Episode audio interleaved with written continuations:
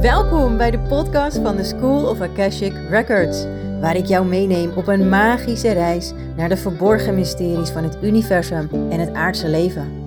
Heb je altijd al willen weten hoe jij orde kunt scheppen in de chaos in je hoofd? Of hoe je om kunt gaan met spiritueel bewustzijn zonder dat je gaat zweven? Ik geef jou praktische inzichten en duidelijke handvatten, zodat ook jij dit kunt gaan toepassen in je leven en je werk. Bereid je voor op kwantumtransformaties die voorbij tijd en ruimte gaan.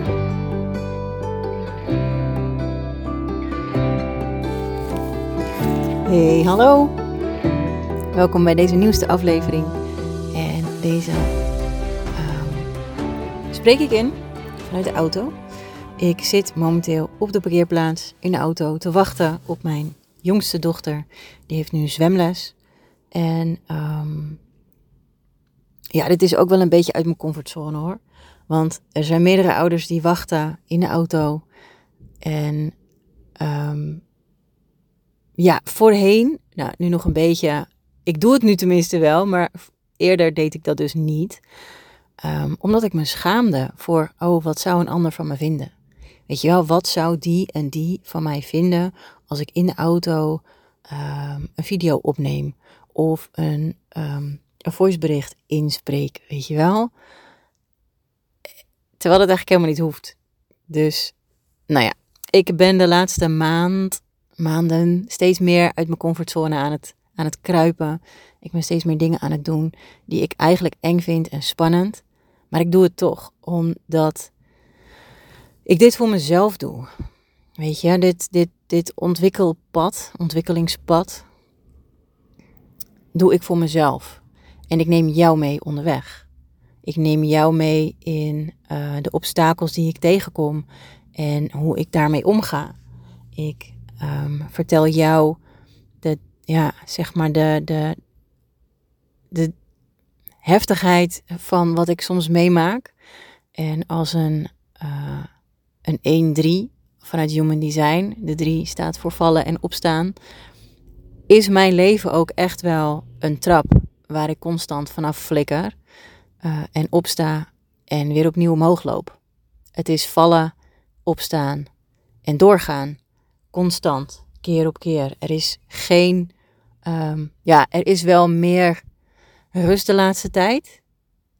Maar evengoed krijg ik steeds uitdagingen op mijn pad. En ja, die zijn af en toe vet zwaar um, uitdagend. Vroeger zei ik dat ik iets moeilijk vond. En uh, niet leuk en moeilijk, moeilijk, moeilijk, moeilijk. Tot een coach tegen mij zei: joh, misschien kun je het omdraaien. Misschien kun je er een uitdaging van maken. Dus alles wat je moeilijk vindt, ga je nu veranderen. En dit is een uitdaging. En vanaf dat moment zijn er echt wel dingen veranderd. Omdat ik dingen niet meer ging zien als moeilijk, maar als een uitdaging die ik aan durf te gaan. En ik aan kan gaan. Um, dus ja, dat, dat is dus een stukje van mijn pad. Um, het vallen, het opstaan en met jou delen hoe ik dat doe. Zodat jij misschien niet op je bek hoeft te gaan. Um, omdat ik als geen ander weet wat wel en wat niet werkt. ja, dus dat. Maar goed, het is nu bij ons dus uh, voorjaarsvakantie. Het is vrijdag uh, terwijl ik dit opneem. En um, mijn dochters zijn de hele week bij mij. Super gezellig, echt super leuk. Dit is ook echt de eerste vakantie waarin ik merk dat er flow is en rust. En um, eenheid. En niet dat het er eerder niet was hoor. Um, maar ik merk echt wel de spiegels van, van mij en de kinderen, zeg maar. Dat we elkaar spiegelen in onverwerkte zaken. En dat, dat is ook echt wel het thema van deze aflevering. Spiegels in je kinderen. Of je kinderen die jou spiegelen. Dat bedoel ik eigenlijk. Want je kinderen spiegelen gewoon. Weet je wel, er zijn geen vervelende kinderen. er zijn geen lastige kinderen. Er zijn geen kinderen met een gebruiksaanwijzing. Er zijn ouders met onverwerkte dingen. Ouders met innerlijke uitdagingen, met misschien een innerlijke strijd, uh, met onopgeloste zaken. En alles wat jij ziet in je kind, waar jij je aan stoort, is iets wat jij bij jezelf nog op hebt te lossen. En misschien vind je me helemaal niet leuk hoor, omdat ik dit zeg. En misschien denk je wel van ja, dit, hè, hier geloof ik gewoon niet in. Maar kijk eens wat er gebeurt als je hier wel voor open staat. Kijk eens wat je ziet in je kind. Ehm, waar stoor jij je aan? En ik zit nu heel hard te denken waar ik mij soms aan kon storen. Nou ja, nog steeds wel. Is als mijn kinderen ruzie gaan maken. En als ze dan ehm, veel huilen. En ik, ik merk dat dat nu wel een stuk minder is hoor. nu, nu mogen ze ook wel huilen. Maar voorheen vond ik dat heel moeilijk. En dat had alles met mij te maken. Want waarom wil ik niet dat mijn kind huilt? Waarom? En toen ging ik naar mezelf kijken. Waarom mag ik zelf niet huilen? En dat had toen alles te maken met um, een, een bepaald innerlijk verdriet wat ik had. Waarin ik van mezelf niet mocht huilen. En als klein meisje mocht ik ook niet huilen. Ik was een gevoelig meisje. En nog steeds, ik ben nu dan een volwassen vrouw, maar ik ben nog steeds gevoelig. Ik mocht niet gevoelig zijn. Ik mocht niet huilen. En dat was zo, die, die overtuiging was, was zo van um, mijn omgeving in mij, op mij ingeprent, zeg maar. Ik kan even niet de juiste zin hiervan maken, sorry. Maar dat, dat, dat had zo'n, ja, imprint. Het is gewoon een overtuiging geworden. Je mag niet huilen, je bent te gevoelig. En onbewust heb ik die, die heb ik opgeslagen. En als iemand ging huilen, een van mijn kinderen, of allebei, dan vond ik dat heel moeilijk. Tot ik dus erachter kwam dat ik eigenlijk niet mocht huilen. Dus waarin mocht ik mezelf accepteren in het huilen? En nu vind ik het niet zo erg meer. Kijk, ik vind het wel sneu als ze heel, heel verdrietig zijn. En um, ik vind het lastig als ze heel boos op elkaar worden. Maar dat kan ik nu veel makkelijker loslaten omdat ik weet dat zij hiervan groeien, omdat zij op die manier leren omgaan met elkaar. En dat kan ik dan op de juiste manier begeleiden. Van goh, hè, dat was misschien niet zo handig. Misschien kun je de volgende keer beter dat en dat zeggen of dat en dat doen. Maar goed, verder zijn er. Uh, ja, weet je, je hele omgeving is een spiegel van jezelf. Jouw hele uiterlijke wereld, jouw omgeving, de mensen om je heen, de situaties om je heen, alles wat jij creëert in je leven, is een weerspiegeling van iets wat nog in jouzelf leeft. Van iets um, wat jij misschien nog niet ziet in jezelf, waardoor jouw buitenwereld dat gaat weerspiegelen. Begrijp je hem? Dus jij mag kijken naar wat triggert mijn kind in mij en wat mag ik nog aankijken in mezelf? Als ik nog een voorbeeld kan geven. Um, een kind kan soms heel luid zijn. Heel luidruchtig, heel, ja, heel luidruchtig. Um, uh, wild, luid, aanwezig. Als je dat irriteert, hè, als het te veel is voor je of te, te, te gehoorig of wat dan ook, dan zegt dat eigenlijk over jou. Waarin mag ik zelf wat luider zijn? Waarin mag ik zelf meer aanwezig zijn? Want stiekem is dat iets wat je zelf ook wel zou willen. Wat is het toch heerlijk onbevangen als je gewoon zonder schaamte gewoon helemaal jezelf zou kunnen zijn. Hoe lekker is dat dan? Dus bij deze, kijk even, ja, ik zei het net ook, hè, kijk even naar je kind. Kijk even naar de spiegels die je krijgt, de spiegels die je ziet. Misschien ook in je huisdier. Misschien wel bij je vriend, je vriendin, je broer of je zus, je ouders, je buren. Waarin ja, kun jij nog spiegels vinden? Um, en het, het mooie is, als je daaraan kunt werken, als je die spiegels kunt gaan herkennen en kan werken aan dat stuk in jezelf, dan ga je ook merken dat je je minder of misschien wel helemaal niet meer gaat storen aan datgene wat je stoort en datgene waar je last van hebt. Echt. Um, ja, ik ben heel hard aan het nadenken of ik nog meer situaties kan bedenken. Kijk, op dit moment, deze hele week, um, zie ik echt geen, gewoon geen triggers in mijn kinderen. Gewoon helemaal niet. De hele week niet. En de hele week verloopt zo, zo soepeltjes en zo relaxed. Weet je, en natuurlijk is er wel even een moment dat ik boos moet worden. En um, is er een moment dat ik de grenzen duidelijk moet aangeven, omdat ze toch proberen om daar weer overheen te gaan. Maar dat zijn kinderen. En dat is heel normaal. En ik kan echt oprecht zeggen dat dit echt genieten is. En ik kijk er naar uit om, um, om nog meer van dit soort weken met ze te hebben. En ik ga ook zeker weten op het moment dat me wel iets triggert, als er wel iets is waar ik me aan stoor, dan kijk ik naar binnen.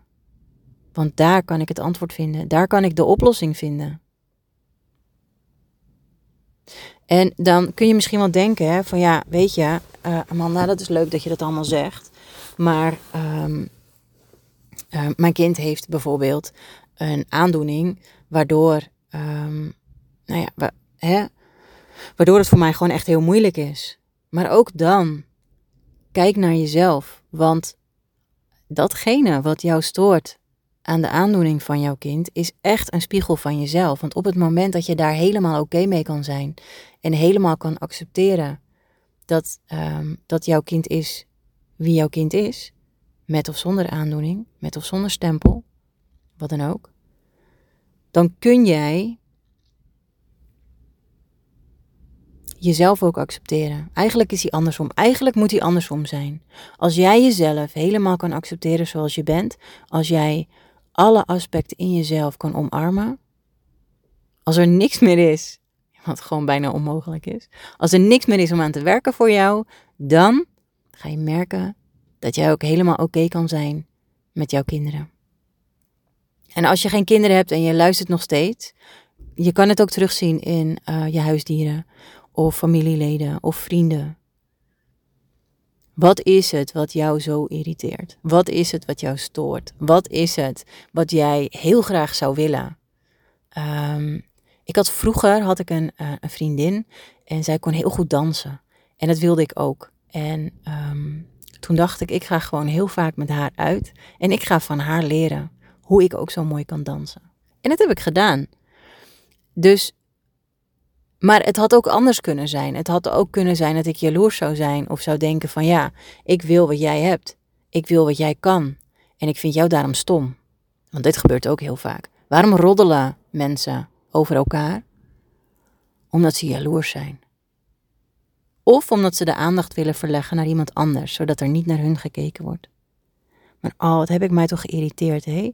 Vroeger um, aan het geroddel achter, achter de rug om van mensen en um, ik heb dit zelfs ook meegemaakt op een werkplek een paar jaar geleden. Echt hè, volwassen mensen die pestgedrag vertonen. Maar dat kan, dat kan je alleen doen als je dus of jaloers bent of alle aandacht van jezelf af wil houden omdat er iets is waar jij onzeker over bent of waar jij je over schaamt. Dus Dat gezegd hebbende, volgens mij is het best een korte aflevering.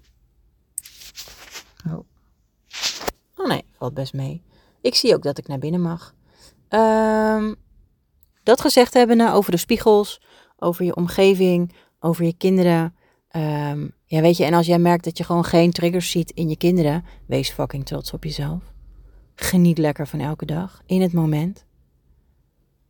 En wees echt heel, heel dankbaar voor alles wat je hebt. Want het is zo mooi. Het leven kan zo mooi zijn. En uh, er kan van alles gebeuren om ons heen.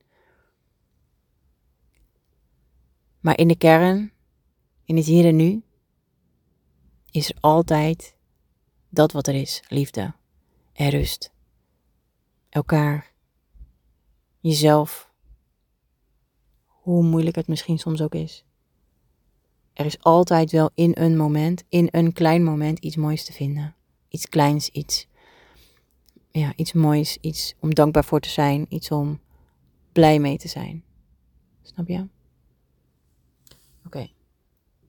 Goed, ik ga lekker naar binnen. Ik ga mijn dochter ophalen.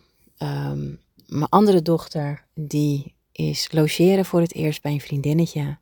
En de jongste, die was stiekem een beetje jaloers. Dus toen vroeg ze ook vanmorgen, mam, wat gaan we eten? Ik zeg, weet je lieverd, we gaan samen met z'n tweetjes gaan we uit eten. Jij mag kiezen waar. Nou, wij gaan dus nooit uit eten.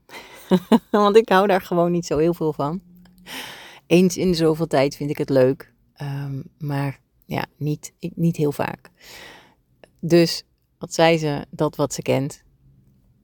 Ik wil uit eten bij de snackbar.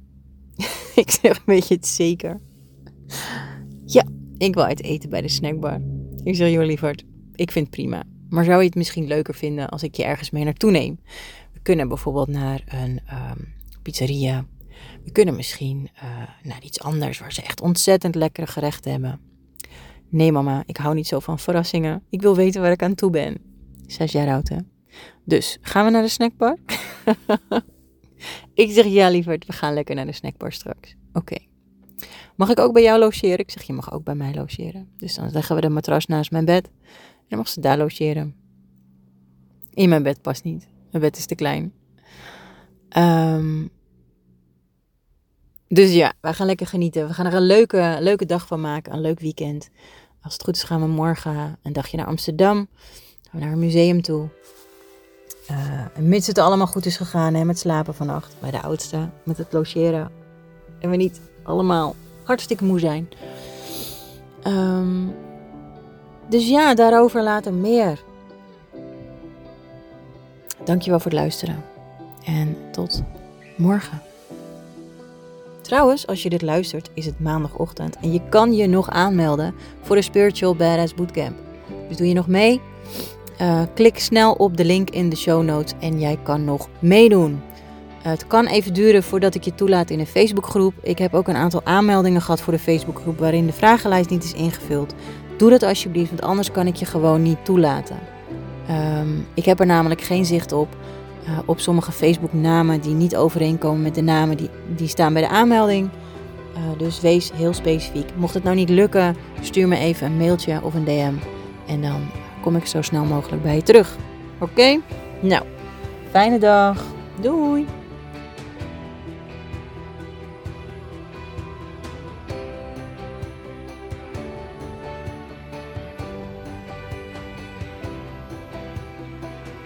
Dankjewel voor het luisteren van deze aflevering.